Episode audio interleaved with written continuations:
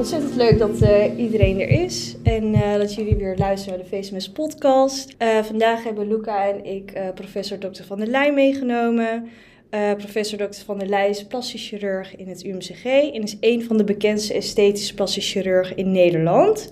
In 2007 is hij benoemd tot de eerste hoogleraar esthetische chirurgie van Europa en is hij meer dan tien jaar voorzitter geweest van de Nederlandse Vereniging van Esthetische Plastische Chirurgie. Ontzettend leuk dat u er bent. Ja, lijkt me heel leuk, dit gesprek.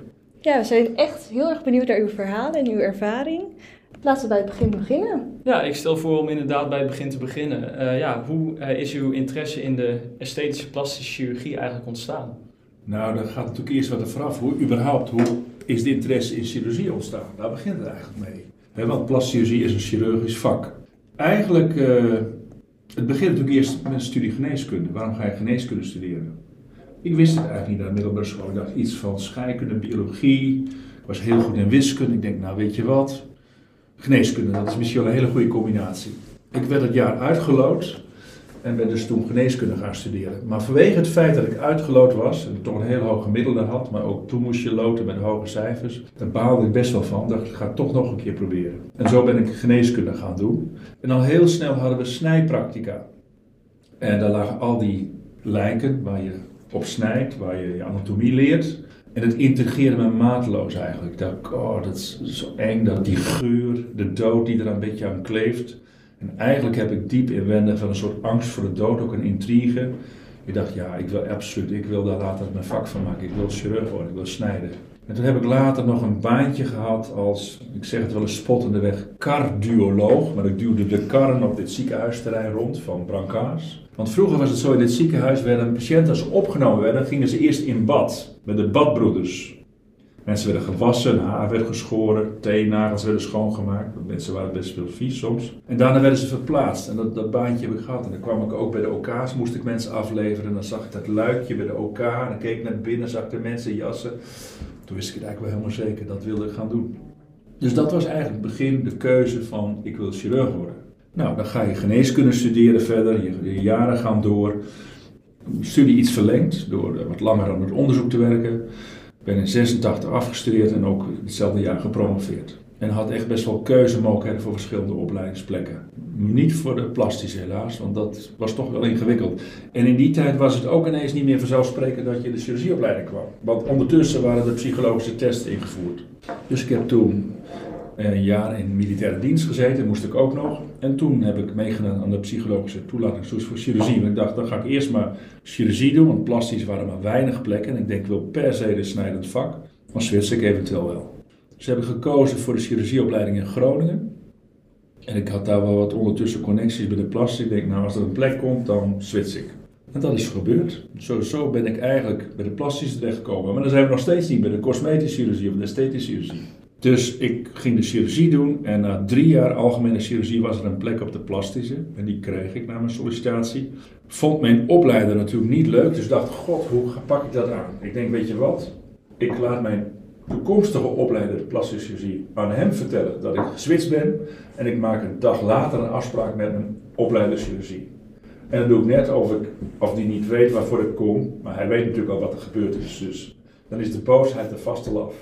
Ja, dat was ook zo. Dus dat heeft hij wel sportief opgevat. Ik heb nog twee jaar chirurgie gedaan. Dus uiteindelijk heb ik vijf jaar chirurgie gedaan. En toen ben ik geswitcht.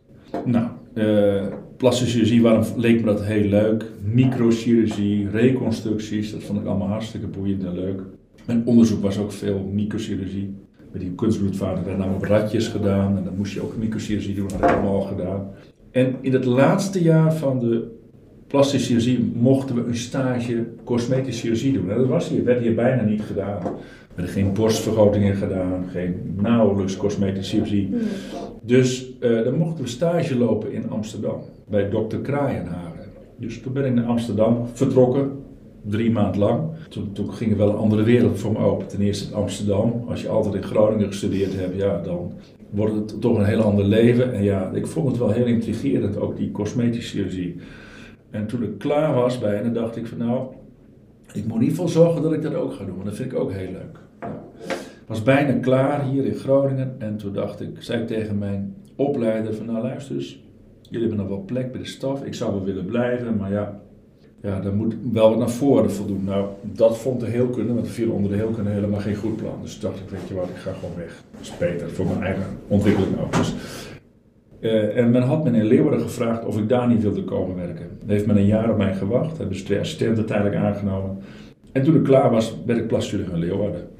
En daar ben ik begonnen, deed ik hoofd-halsreconstructies.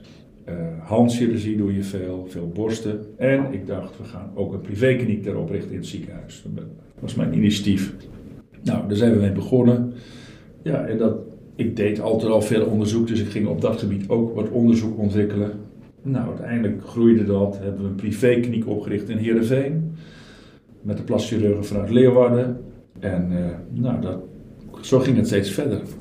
Nou, en uh, dus zo heel langzaam deed ik ook steeds meer cosmetische chirurgie, verdiepte me er ook in, deed onderzoek.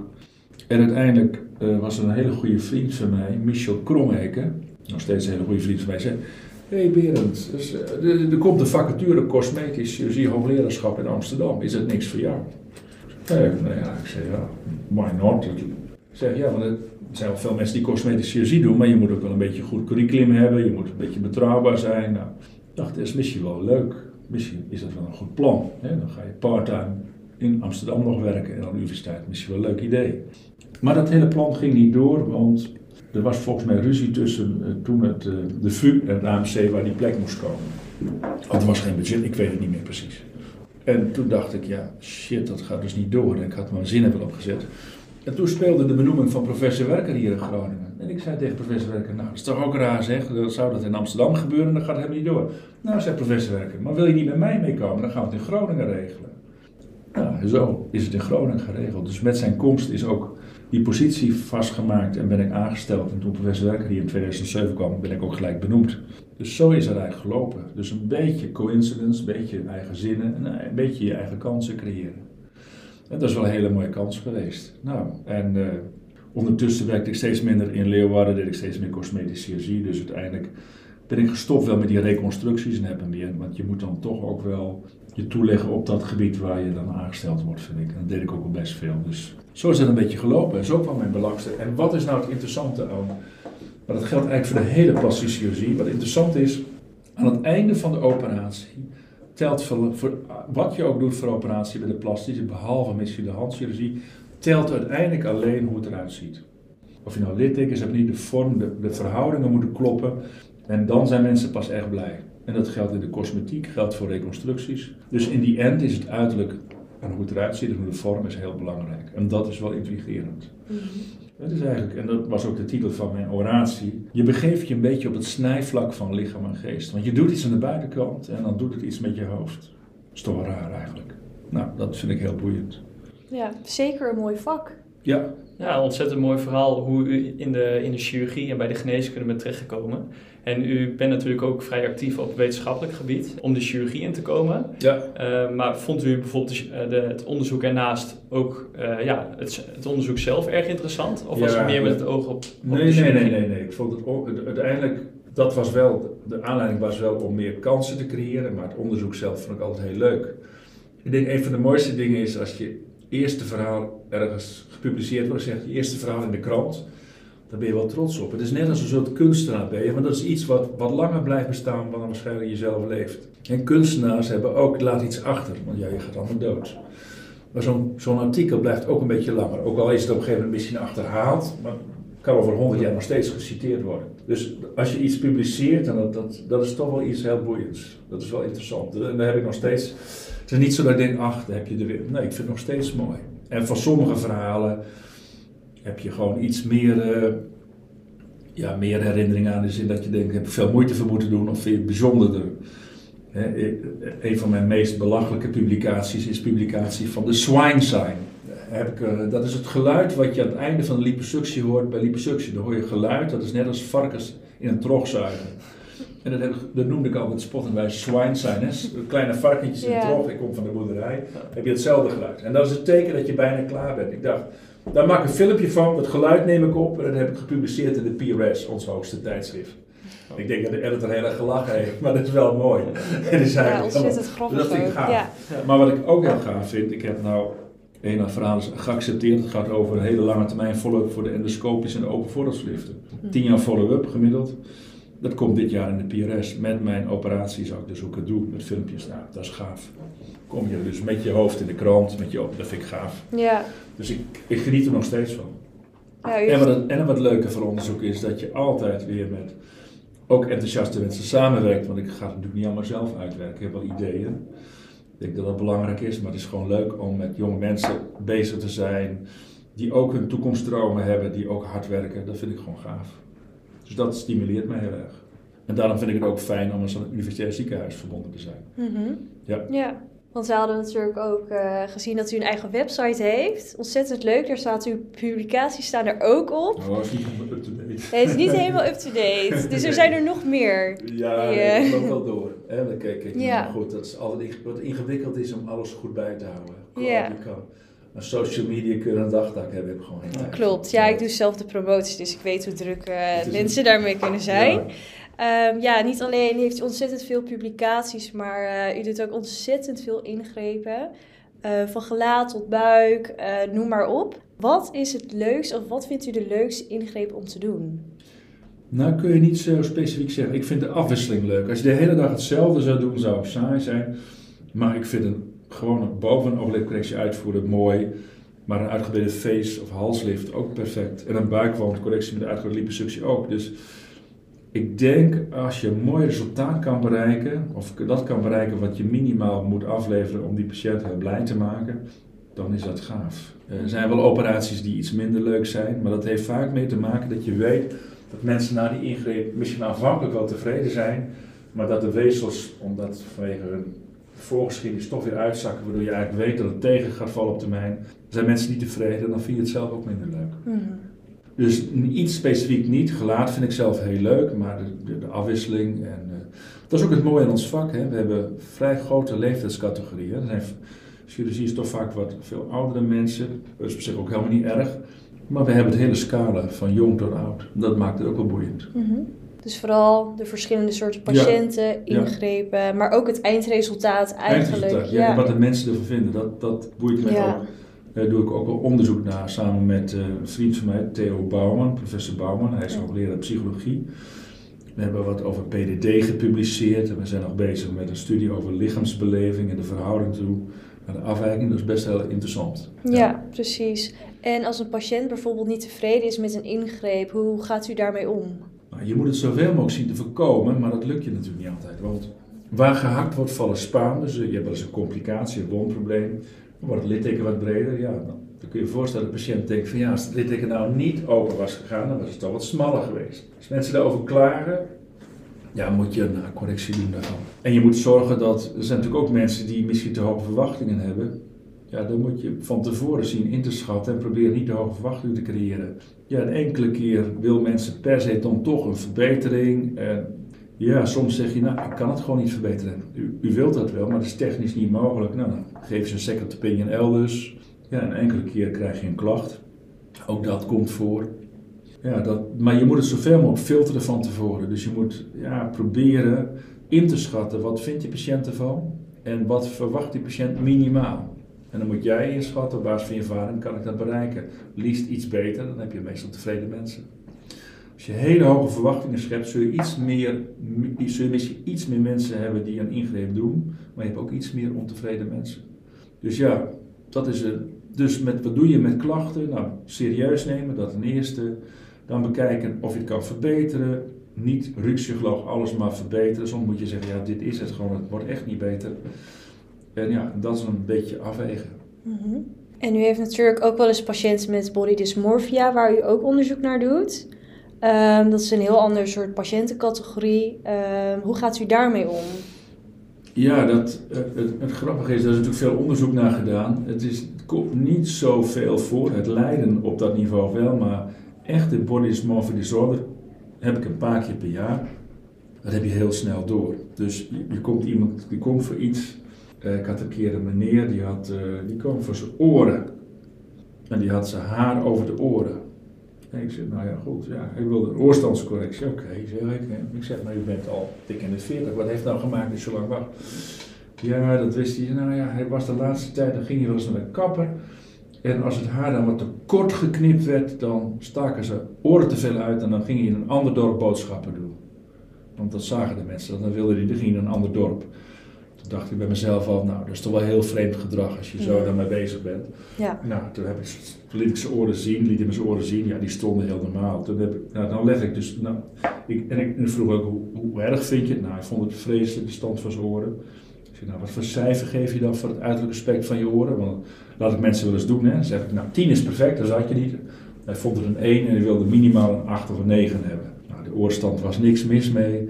Ik zeg, nou, luister ik neem uw probleem serieus. Dat is voor u een probleem.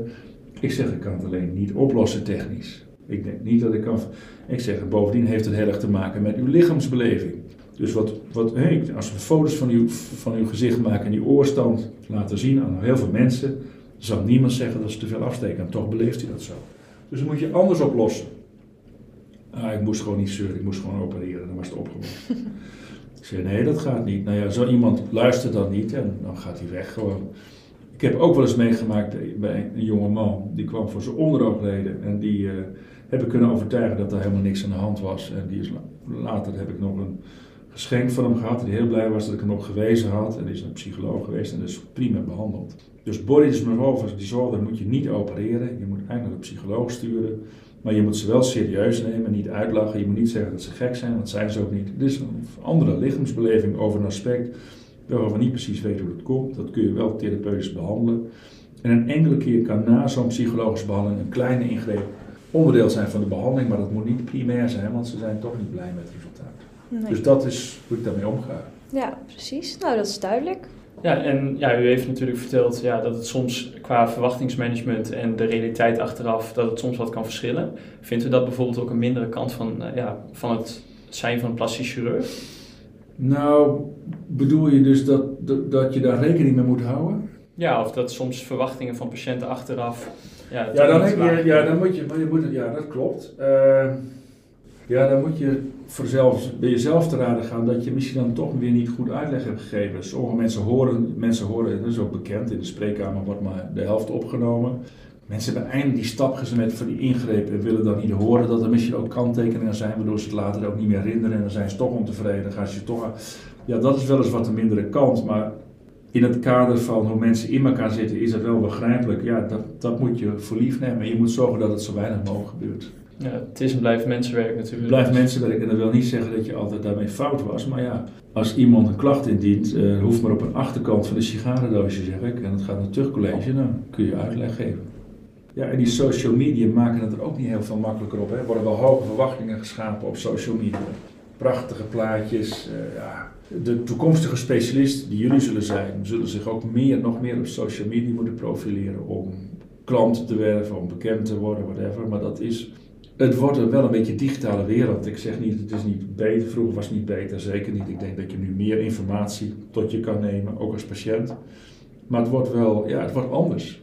Hè? En ik zie echt wel voor me dat eh, waarschijnlijk in de verre toekomst de mensen met een bril oplopen zoals ik heb en dan een klein schermpje daarin waar je continu bezig bent. Kijk maar eens op je telefoon hoeveel schermuren je per dag doorbrengt op je telefoon. Daar schrik je van soms. Ik ook. Ja, ik kijk niet meer.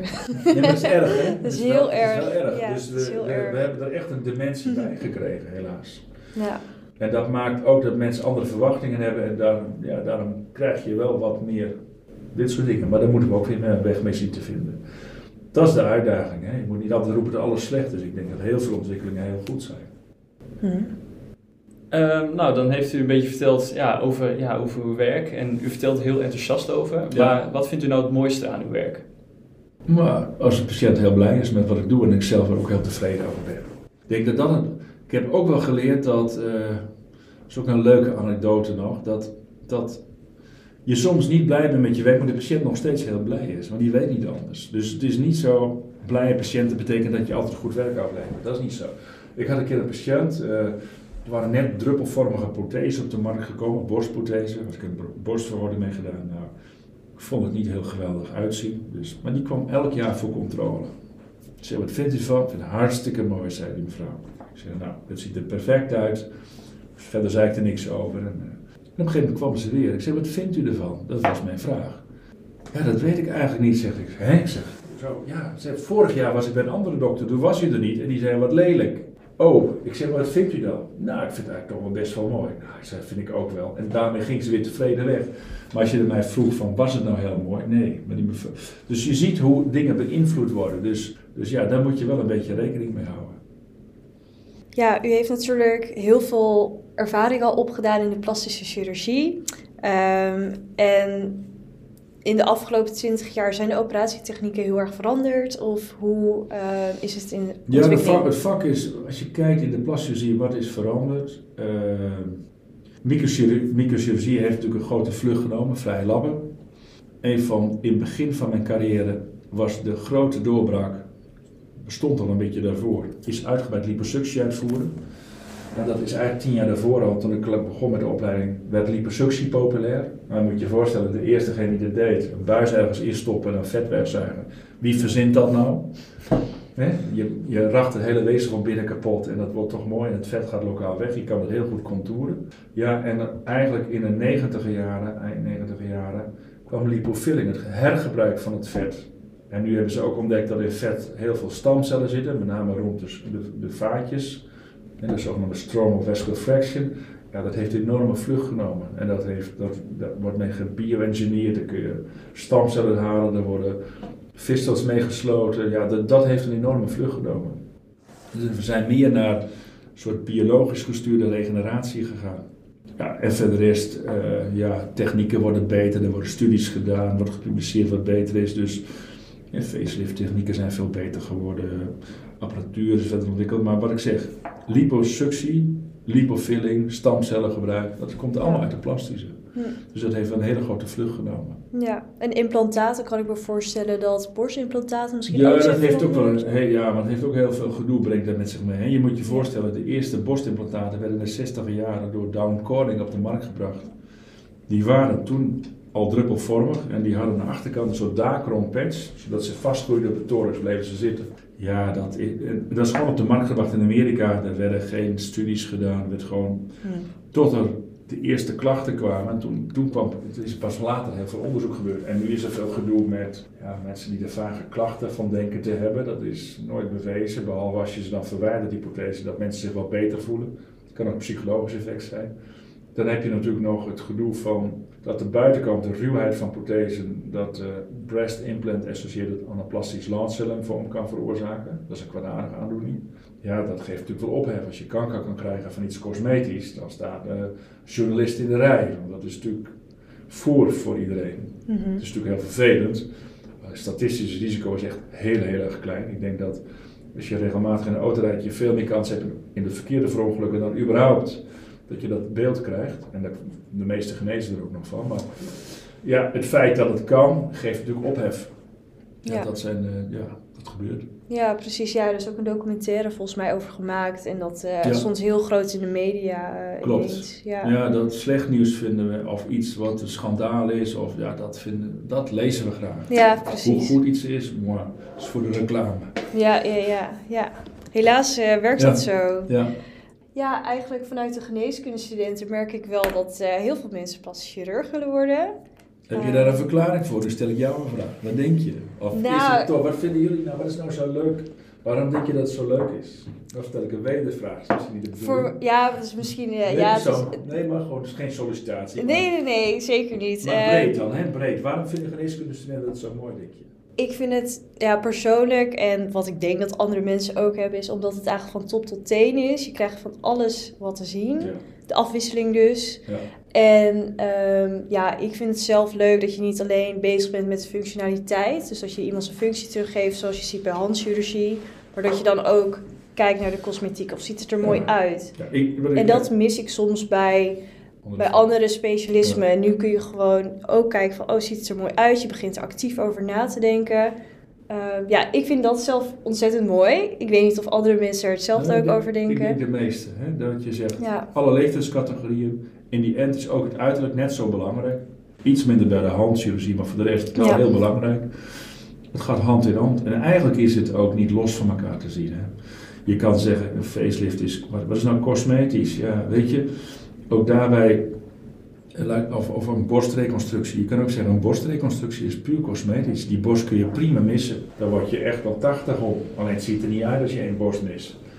Dus we herstellen dat, we noemen we reconstructie. Maar ja, wat we doen is eigenlijk het uiterlijk herstellen. Dus het is eigenlijk, in mijn optiek durf ik te stellen dat een borstreconstructie is een puur cosmetische ingreep. Mm Herstel van uiterlijk waarmee die patiënt... En dan heel invoelbaar. Ja, waar leg je dan de grens? Iemand die helemaal geen borsten heeft in aanleg, mag die dan geen borstvergroting? Dat vinden we puur cosmetisch niet nodig.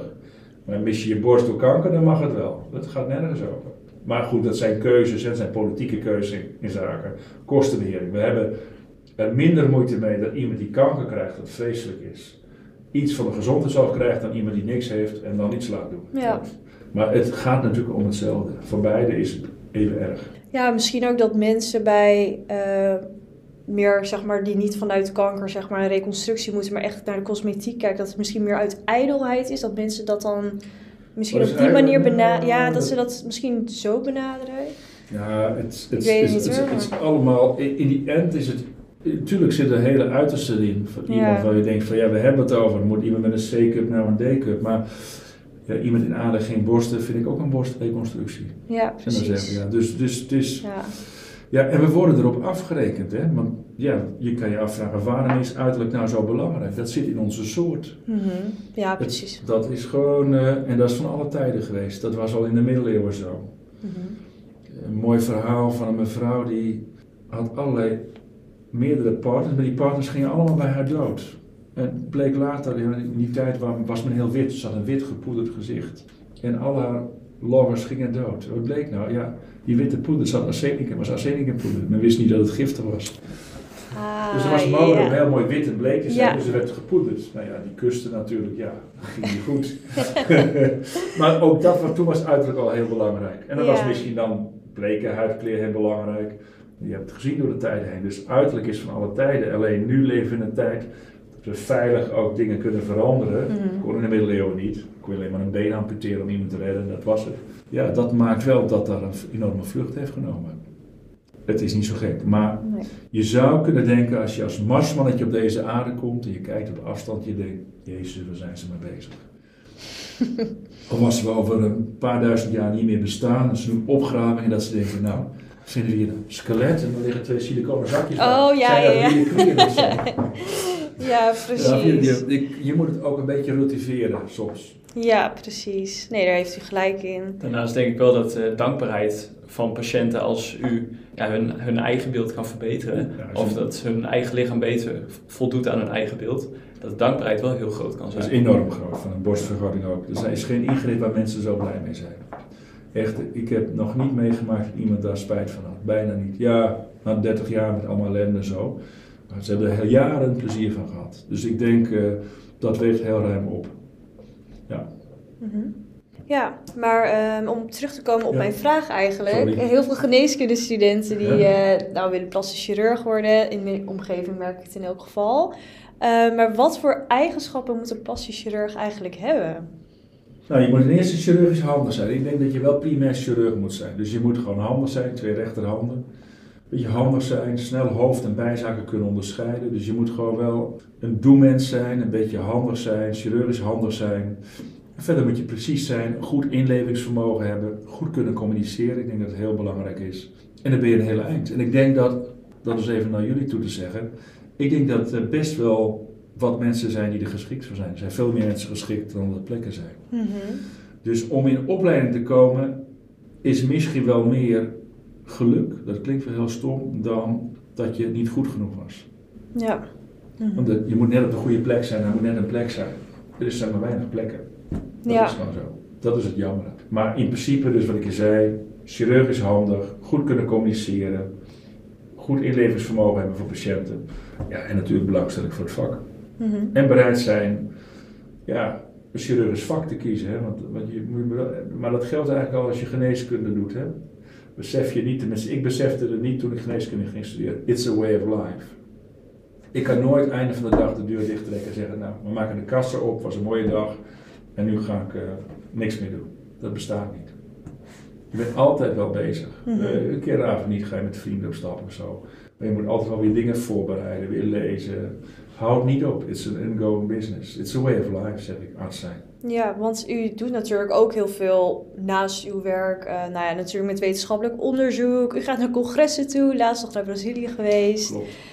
Um, is het goed te combineren met uw privéleven? Nou, dat, dat, het is wel goed te combineren, maar het is wel een aanslag op, op, op ja.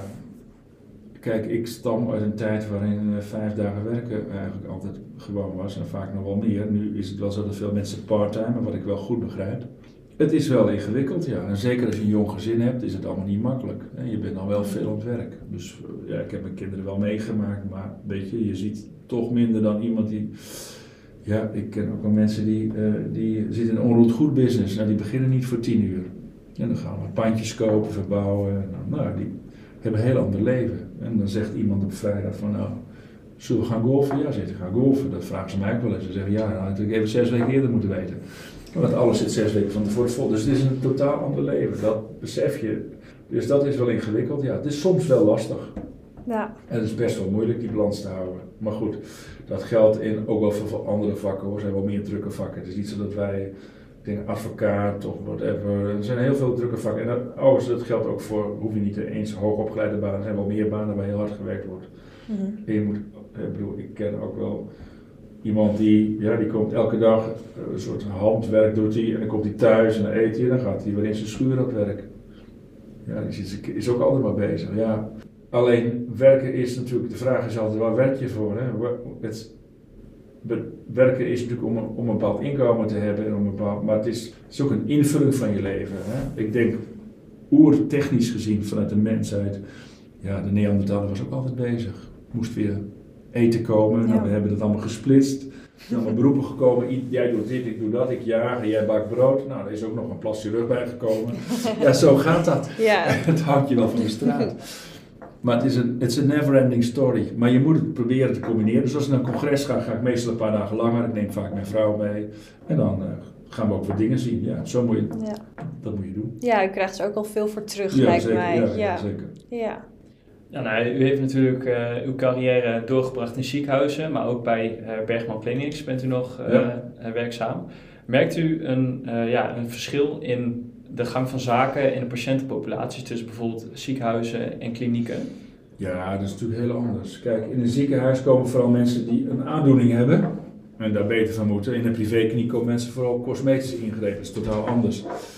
Ja, en dan heb je in een ziekenhuis is het vaak wat, hoe groter het ziekenhuis, hoe logger de structuur. Dus de academische ziekenhuizen spannen er wel in de kroon. Als je daar iets nieuws wil, dan kost dat heel veel tijd en energie. In commissiewerk, in een privékliniek zeggen, joh, ik moet dat ding hebben. En anders kan die patiënt niet opereren, dan wordt het besteld en dan kun je aan de slag.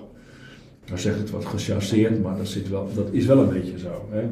In zo'n privékliniek is, ja, die, dat is ook, business is ook belangrijk.